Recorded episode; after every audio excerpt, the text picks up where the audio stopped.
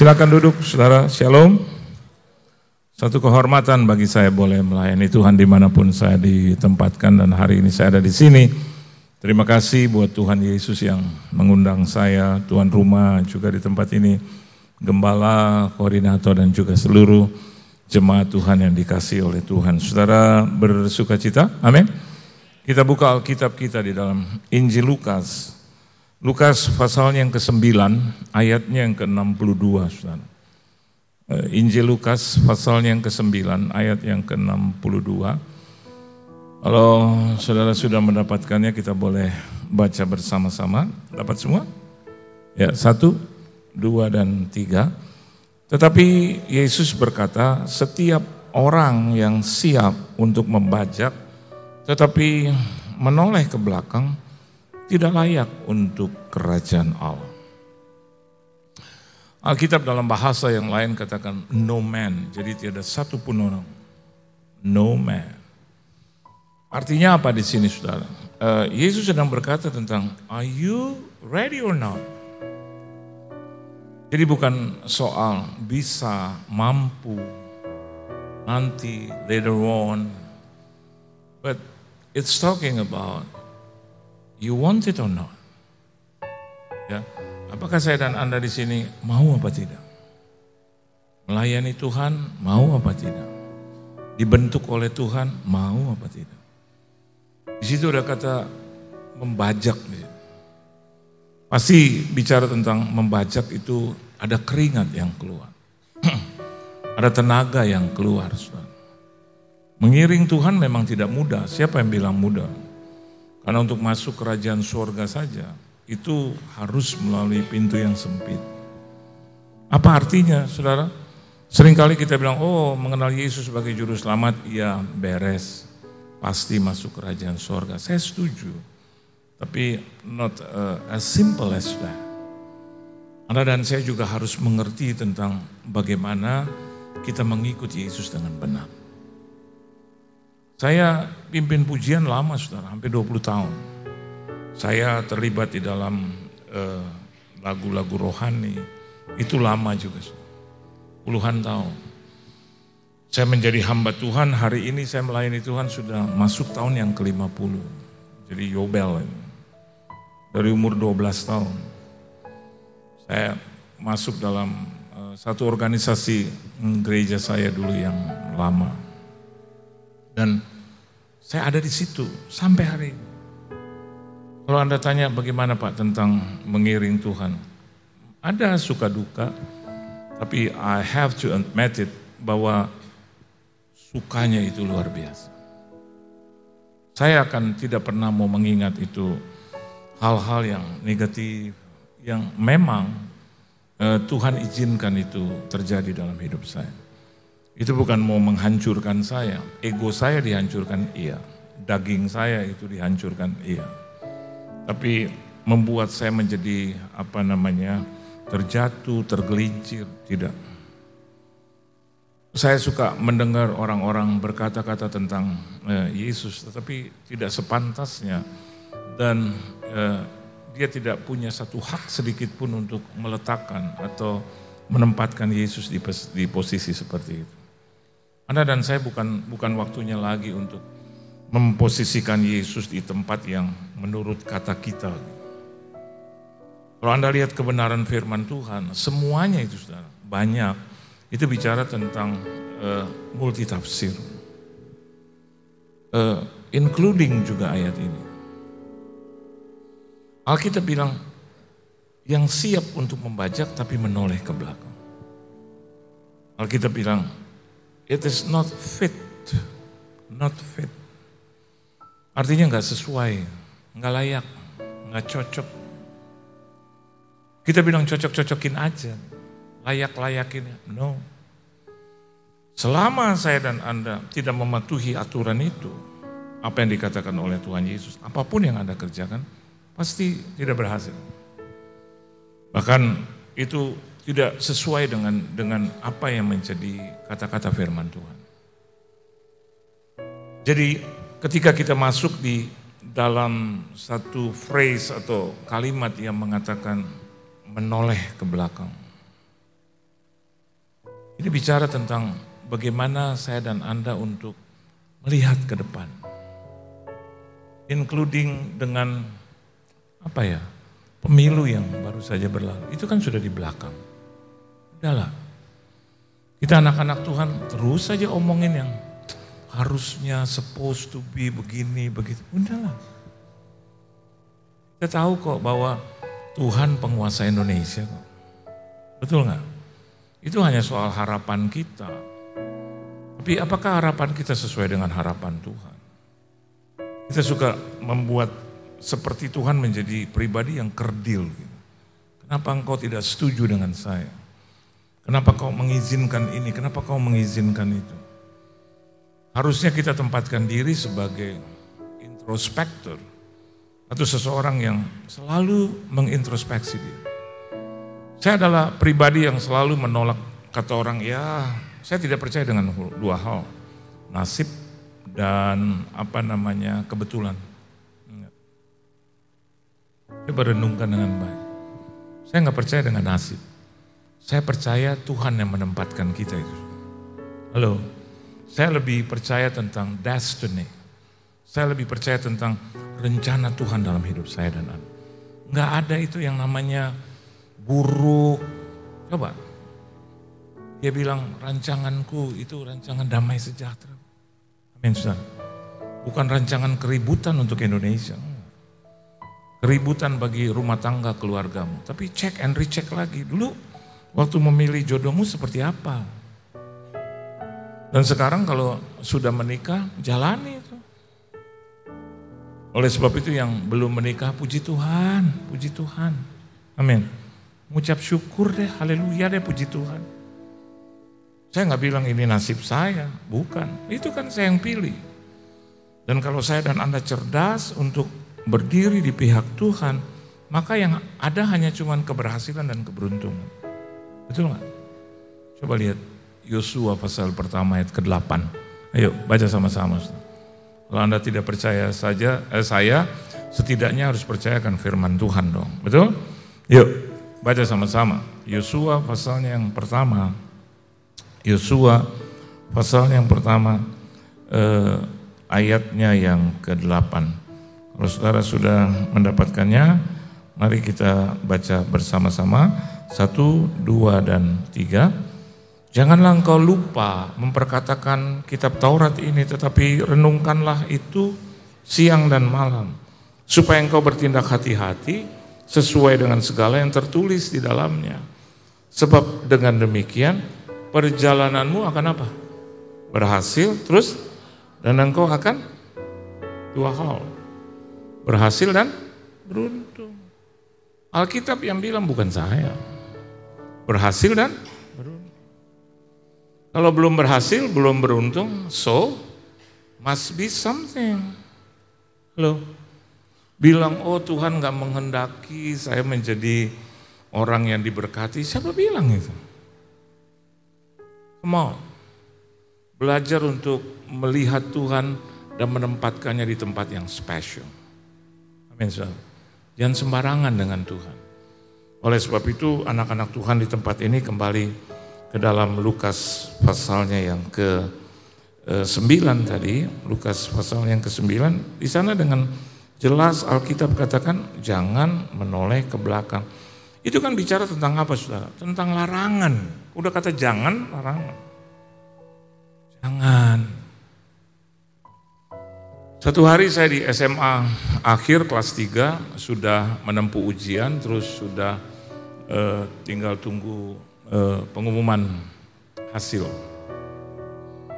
Dan pada saat pengumuman kami uh, berdama, berdharma wisata ke satu tempat di Bandung, satu kelas. Jadi sama-sama di, di, di bus uh, charter.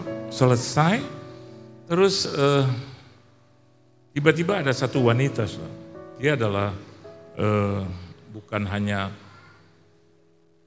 kembang, tetapi dia adalah seseorang yang tiga kali berturut-turut juara sekolah. Bukan juara kelas, juara sekolah. Dan dia menjadi idaman bagi eh, pria-pria yang lain. Bukan hanya di kelas saya, tapi di seluruh eh, apa namanya kelas.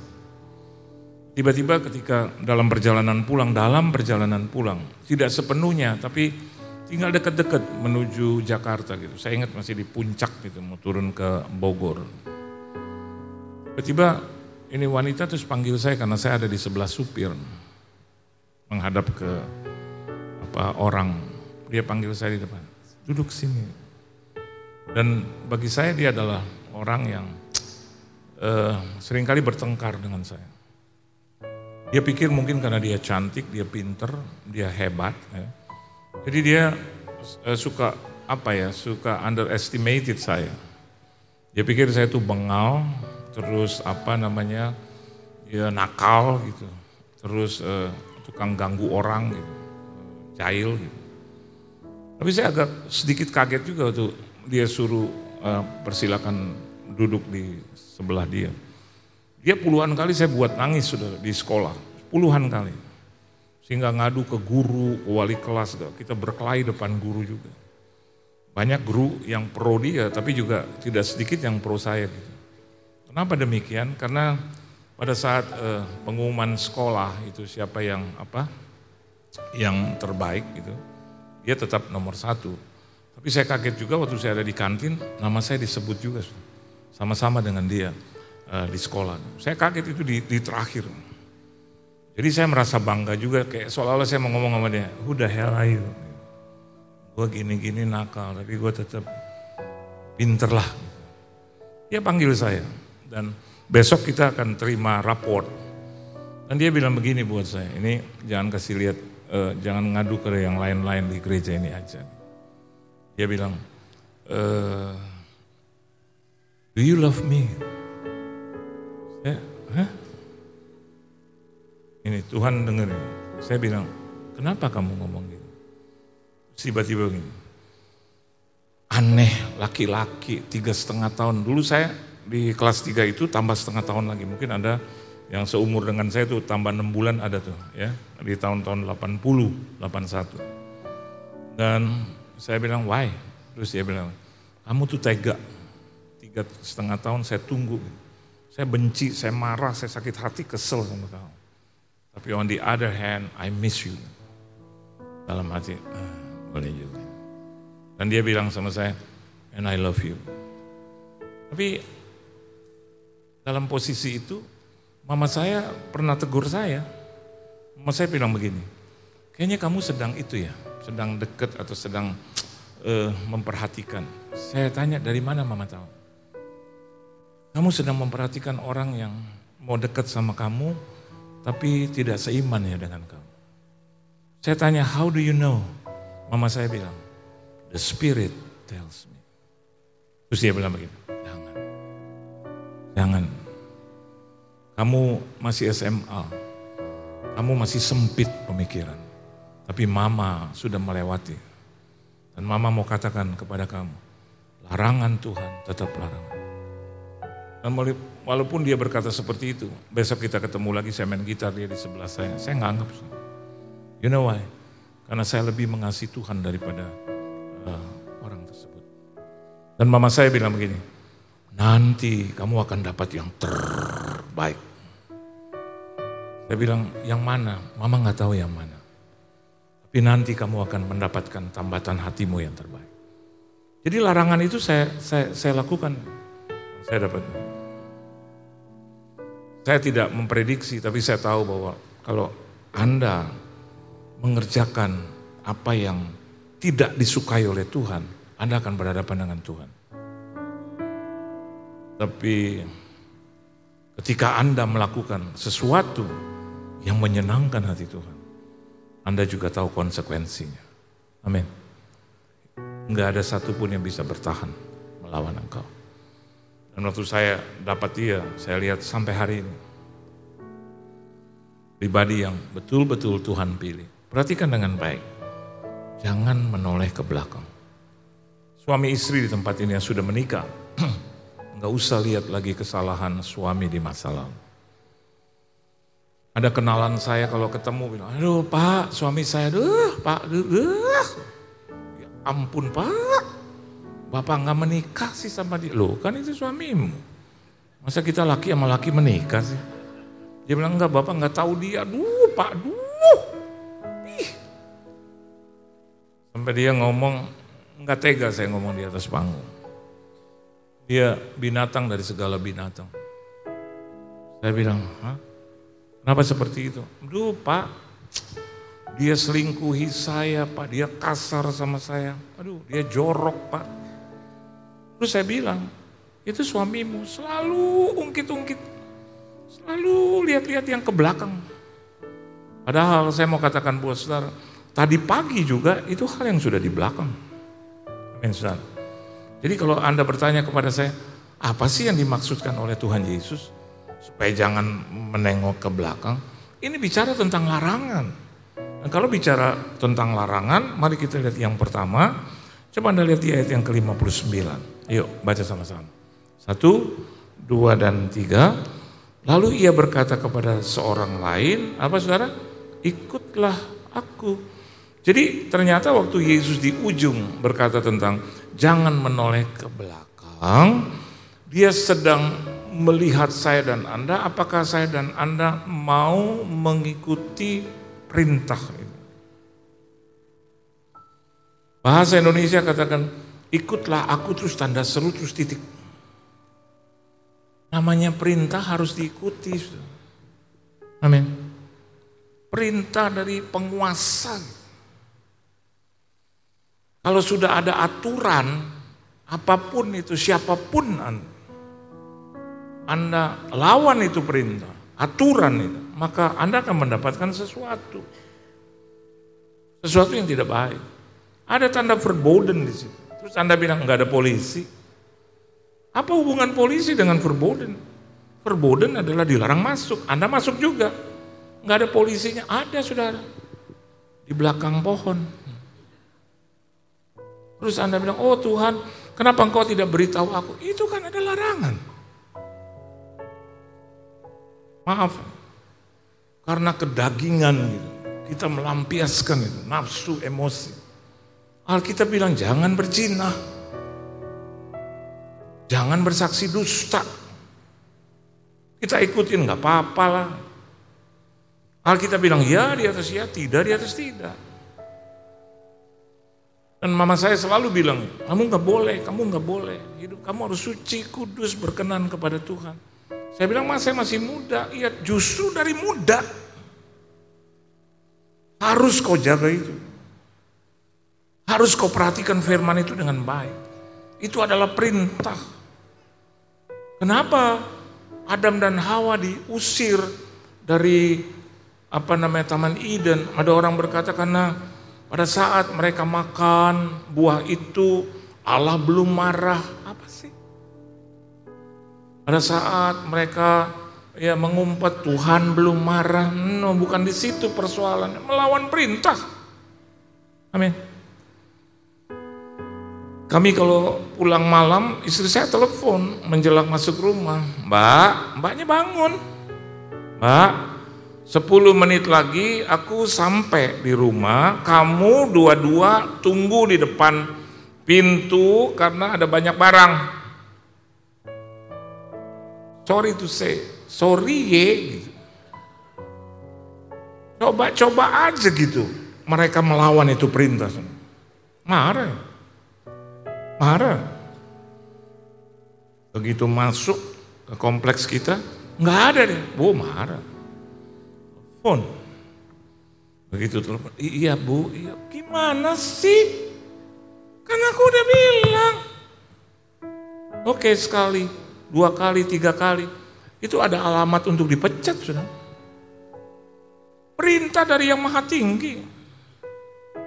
Mama saya bilang sama saya tahun 1994 eh, akhir. Itu bulan Desember. Bos saya dulu saya masih kerja tahun 94. Bos saya bilang, "Han, uh, kita udah bangun persekutuan doa, kau perkenalkan aku kepada Tuhan Yesus. Aku boleh hilang tiga tiga apa namanya itu batu di empedu tanpa operasi. Tuhan Yesus luar biasa baik." Seluruh keluarga saya terima Yesus sebagai juru selamat. It's time for me to bless you. Saya bilang, apa nih bos? aku mau bisnis biasa, dia biasa pergi ke luar negeri. Sekarang aku ajak kamu pergi ke seluruh Asia. Aduh, saya bilang, Yesus, Yesus. Dulu saya terbang ke Manado aja belum pernah. Benar? Paling jauh itu apa? Surabaya. Manado nggak pernah, Ambon nggak pernah. Saya bilang, oh Tuhan Yesus tiba-tiba engkau ajak aku ke mana pas?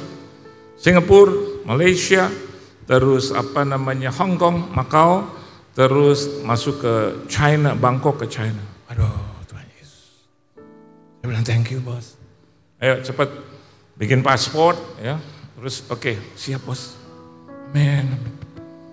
Lo udah berjasa buat amin. Lo nggak usah, lo cukup bawa baju, kaos dan celana Terus bawa satu kaos lagi karena nanti kita akan belanja di situ. Gue traktir semua sampai uang jajan, uang semua. Hotel bintang lima. Aduh, aduh, bos. Thank you bos. Itu sepanjang perjalanan pulang di Mikrolet masih agak-agak susah. Jadi saya, oh haleluya Tuhan. Saya ke rumah mama saya, saya turun, saya mah, hei kenapa? Wuh, amin, amin.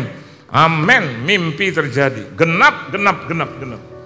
Kenapa? Duh mah, tahu bos saya. Hmm, kenapa? Dia mau ajak aku keliling Asia. Free. Dia bisnis, aku tinggal di hotel bintang 5, jalan-jalan boleh belanja. Wow, kata mama saya, hebat. Tuhan baik ya ya. Amin, amin. Oke, berangkat kapan kamu? Tanggal 4 Januari eh tanggal 2 Januari. Karena tanggal 3 Januarinya saya ulang tahun. Jangan lupa tuh tanggal 3 Januari saya ulang tahun. Ya.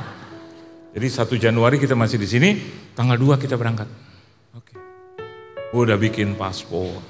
Selesai. Eh, tiga hari kemudian, mama saya bilang gini, Yohan, halo. Ya ma, Yohan boleh ke rumah nggak? Saya udah tahu kalau dia bilang ke rumah tanpa apa namanya ngomong di telepon pasti berat. Saya udah curigation. Ya. ya. Hmm. Apa sih mah? Ya ke rumah aja, nggak enak ngomong di telepon. Mama harus lihat wajah kamu ya di atasnya. Saya sampai, ya mah ada apa? Hmm. Kamu mau minum teh dulu, kopi? Enggak langsung aja. Tadi malam mama Capek deh, saya lihat mukanya, ah, capek. Mimpinya nggak enak. Saya udah tebak. Mimpi apa? Kamu artikan. Tiba-tiba mama dengar suara. Suara apa? Ya, suara itu bilang, jangan anakmu pergi keliling Asia. Aduh. Kan mama kemarin bilang, oke, okay, ini kan anugerah Tuhan for free. Aduh mama, mama nggak tahu itu suara Tuhan. Suara Tuhan yang mana? Kedengeran juga kagak. Kalau dia suara Tuhan, dia ngomong sama mama, ngomong juga sama kita. Halo, Anda lihat kisah Musa? Tuhan nggak bicara kepada Israel, tapi melalui Musa. Yohan kalau kamu mau ikut roh Tuhan, mama nggak tahu. Sampai dia nangis. Udah jangan salahkan mama, ya udahlah. Mungkin yang mama denger roh yang lain. Lalu saya aminkan, iya pasti itu roh yang lain. Roh iri, roh nggak suka anaknya pergi. Udah. Terus saya tanya, kenapa ya Tuhan begitu? Oh kita debat dua jam. Kenapa ya Tuhan gitu? Aneh ya mah, aneh. Nah, biasa kita begini semua. Uh, aneh, kita nggak tahu masa depan. Ibu saya bilang, udahlah Yohan jangan salahkan mama yuk. Kamu mau pergi, pergi Terus ya kenapa? Harus ada alasannya dong. Terus dia bilang, mungkin karena kamu itu ketua persekutuan doa. Sedangkan bos kamu wakil persekutuan doa. Kalau kamu pergi, bos kamu pergi, siapa dong yang urus? Benar juga. Oke. Pagi ketemu bos saya jam 9. Bos. Aduh emak gue suruh gue nggak bisa pergi. Nah, orang kaya kan begitu. Kenapa? Eh, eh, enak begini, aneh ya. Gue aneh nih, sorry nih, bukan main emak-emakan. Gue tahu mak lu bener. Gue tahu, gue udah kenal dia tahunan. Cuman aneh aja. Kenapa dia ngomong begitu? Tadi malam dia mimpi, aduh mimpi lagi, mimpi lagi. Ya gimana bos? Lu menurut lo kenapa sih gue ngomong deh sama mak lo? Ya udahlah nggak usah. Kenapa? Nah mak gue bilang, mungkin gue ketua persekutuan, lo kan wakilnya. Persekutuan baru tahun 91, sekarang 94 akhir. Mungkin masih terlalu muda, Pan. Jemaat belum banyak. Terus dia bilang, gini aja. Kan lo punya bini, gue punya bini. Lo punya adik banyak, 6, eh 5. Gue juga punya adik. Biar aja mereka yang urus. 10 keroyok lawan dua. Benar juga ya. Pulang sore ke mama. Mah, kan aku masih punya kakak, aku punya adik-adik. Kakakku satu, adikku lima, Biar aja dia ngurus. Dia kan juga masih punya keluarga mah. Saudaranya dua, istrinya nggak ikut mah. Ibu saya bilang, hmm, atau mungkin beginilah Yohan. Tuh kan mama muter-muter kan. Dia bilang, mungkin kamu kan pemimpin pujian. Jadi siapa yang mau pimpin pujian? Mungkin ya Yohan, kan ada sakan saya. Begitu. Besoknya saya bilang, bos tetap nggak boleh pergi. Kenapa? Mungkin ya bos. Gua tuh pimpin pujian karena nggak ada satu hari Jumat pun tanpa saya. Saya terus pimpin. Jam 6 sore itu kalau mulai jam 7, jam 6 saya udah di bawah altar Tuhan. Lagu-lagu yang tadi itu, ya semua tuh lagu-lagu lama habis. Saya nyanyi haleluya. Uh, saya pakai kata saya itu pancing roh lah gitu. Padahal bukan pancing, mengundang hadirat Tuhan gue pimpin pujian, jadi mungkin siapa yang harus pimpin pujian? Tahu nggak? Mama saya bilang, eh, bos saya bilang, gini aja, undang dua pemimpin pujian top dulu Indonesia. Dulu yang saya tahu cuma ada tiga, nih dua yang diundang. Gak usah satu, dua gantiin lo. Itu pemimpin pujian gue bayar 5 juta, 5 juta. Wah kalau begitu mendingan gue aja yang pimpin pujian. Ya. Gue aneh loh kalau gue pimpin pujian lo gak kasih segitu. Oh gitu ya, saya bawa. Mah, begini mah ada dapat ganti dua pimpinan uh, pimpin pujian top Indonesia. Saya nggak usah sebut nama lah, sahabat-sahabat saya. Dua-duanya hubungin mau mah. Dia lihat saya. Mungkin begini Yohan. Apalagi mah? Mungkin istrimu sedang mengandung tua, betul? 6 bulan atau 7 bulan. Kan Desember itu ya. Berarti dia lahir bulan Maret. Uh, 95, eh 93 eh, eh, 92 ya. Jadi saya bilang mungkin eh, apa namanya sedikit lagi apa ibu saya bilang kan dia lagi mengandung. Ya. Saya bilang kok begitu ya Tuhan cara kerjanya aneh. Terus dia bilang ya udah mungkin Yohan dia mengandung tua, kamu apa namanya pergi dia sama siapa? Benar juga. Ada dia lagi. Dia lagi Nah, dia nggak diajak sudah. Saya mau ajak, cuman ongkosnya nggak ada saya. Dia wanita hebat juga, nggak apa-apa kamu pergi, kamu pergi. Dalam hati saya, kapan lagi saya keliling Asia? Udah, selesai. Saya bawa ke bos saya. Bos, kata mama saya, bini gue kan lagi mengandung. Bos. Berapa bulan waktu itu? Hah? Udah mau, udah mau melahirkan Desember ke ke Maret ya. Terus kan udah tujuh bulan. Gampang. Gue kasih babysitter dua. Gue yang gaji. Kita kan pergi cuman di bawah dua minggu. Gue kasih dia sebulan gaji, sebulan gaji. Yang satu urus kakinya, yang satu urus kepalanya. Nuntun-nuntun. Bener juga ya. Saya balik lagi. Mah, dia kasih dua babysitter. Tahu nggak mama saya? Oh, udah, udah, udah, udah, udah, udah, terserah kamu, terserah kamu, udah, terserah kamu. Kamu mau pergi, pergilah.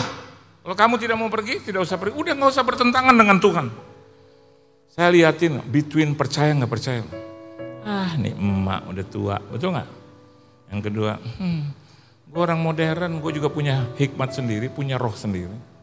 Gue pemimpin pujian dikenan Tuhan juga. Tapi ini larangan. Respect your parents.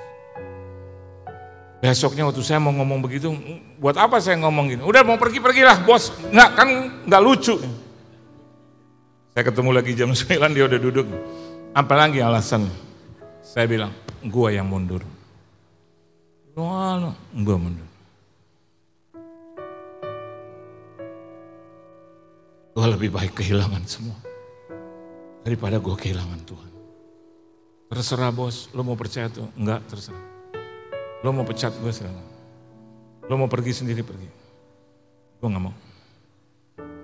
Emak gue bener atau enggak, biar dia urusan sama Tuhan. Tapi urusan gue, gue percaya sama itu tuh.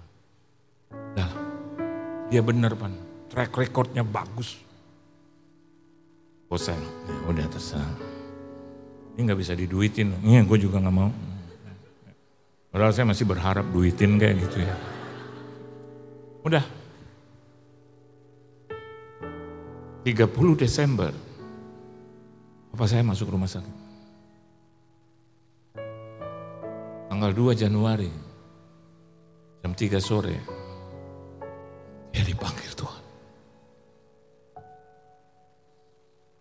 Saya jatuh dengan lutut apa terduduk di lantai.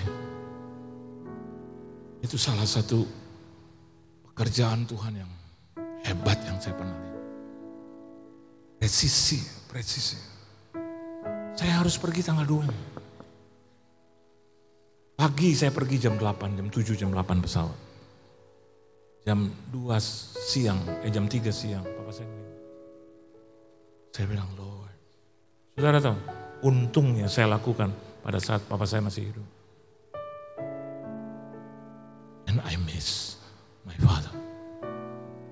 Mama saya sudah pergi juga ke surga. I miss my mother. Saya tutup firman Tuhan. Saudara, mungkin hari ini Anda nggak bisa terima larangan itu.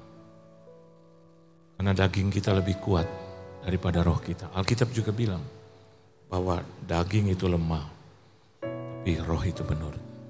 Depend on you, mau ikut siapa? Kadang-kadang saya suka bilang sama dua anak saya, terserah kamu mau ikut Tuhan atau kamu mau ikut daging. Tapi papa mengalami dan saya lari ke rumah sakit. Apa saya terbujur kaku. Padahal saya baru lihat tadi jam 1. Pulang jam 2, balik lagi ke kantor. Jam 3 dia dipanggil. Ketika teman saya mengabarkan datang ke kantor. Gitu. Han, saya bilang gitu, bapak gue meninggal. Dia bilang, iya. Nah, gue tahu, kenapa gue gak harus pergi. Dan pada saat Tuhan membutuhkan kita, kita hadir. Itu jauh lebih penting. Daripada saat dia tidak membutuhkan engkau, engkau hadir. Biarlah kita lakukan itu. Segala bentuk perkataan firman Tuhan. Hanya ada dua di sini. Janji dan juga hukum. Seringkali kita mau janji Tuhan dipenuhi, janji Tuhan dipenuhi. Tapi kita lupa kerjakan juga hukumnya. Saya dan Anda mengerjakan hukumnya, pasti janjinya digenapi. Enggak, bakal enggak. Dan hari ini saya menjadi orang yang beruntung. Saya boleh menikmati kasih Tuhan. Dan setiap kali mama saya bicara, bahkan saya bilang, mama bebas ngomong sama saya. Bebas. Apa aja yang mama butuhkan, mama ngomong sama saya. Apa kata Tuhan, mama ngomong aja. Bilang, bilang. Dan seluruh persoalan masalah keluarga ngomong sama saya. Dan saya adalah orang yang menurut hemat saya, saya beruntung dengan memaksakan diri mau bergabung dengan eh, bagian Tuhan atau pihak Tuhan untuk selalu bisa menjadi orang atau pribadi saudara di sini yang dikasihi dan menyenangkan hati Tuhan. Soal hidup, saya mau katakan jodoh, studi, pendidikan, pergaulan, pekerjaan, ya bahkan eh, ke depan Tuhan akan pelihara. Dia tidak pernah ingkar janji, sudah. Apa saja yang dia janjikan itu bagi saya dan Anda. Tuhan Yesus memberkati saudara. Beri tepuk tangan yang meriah buat Tuhan.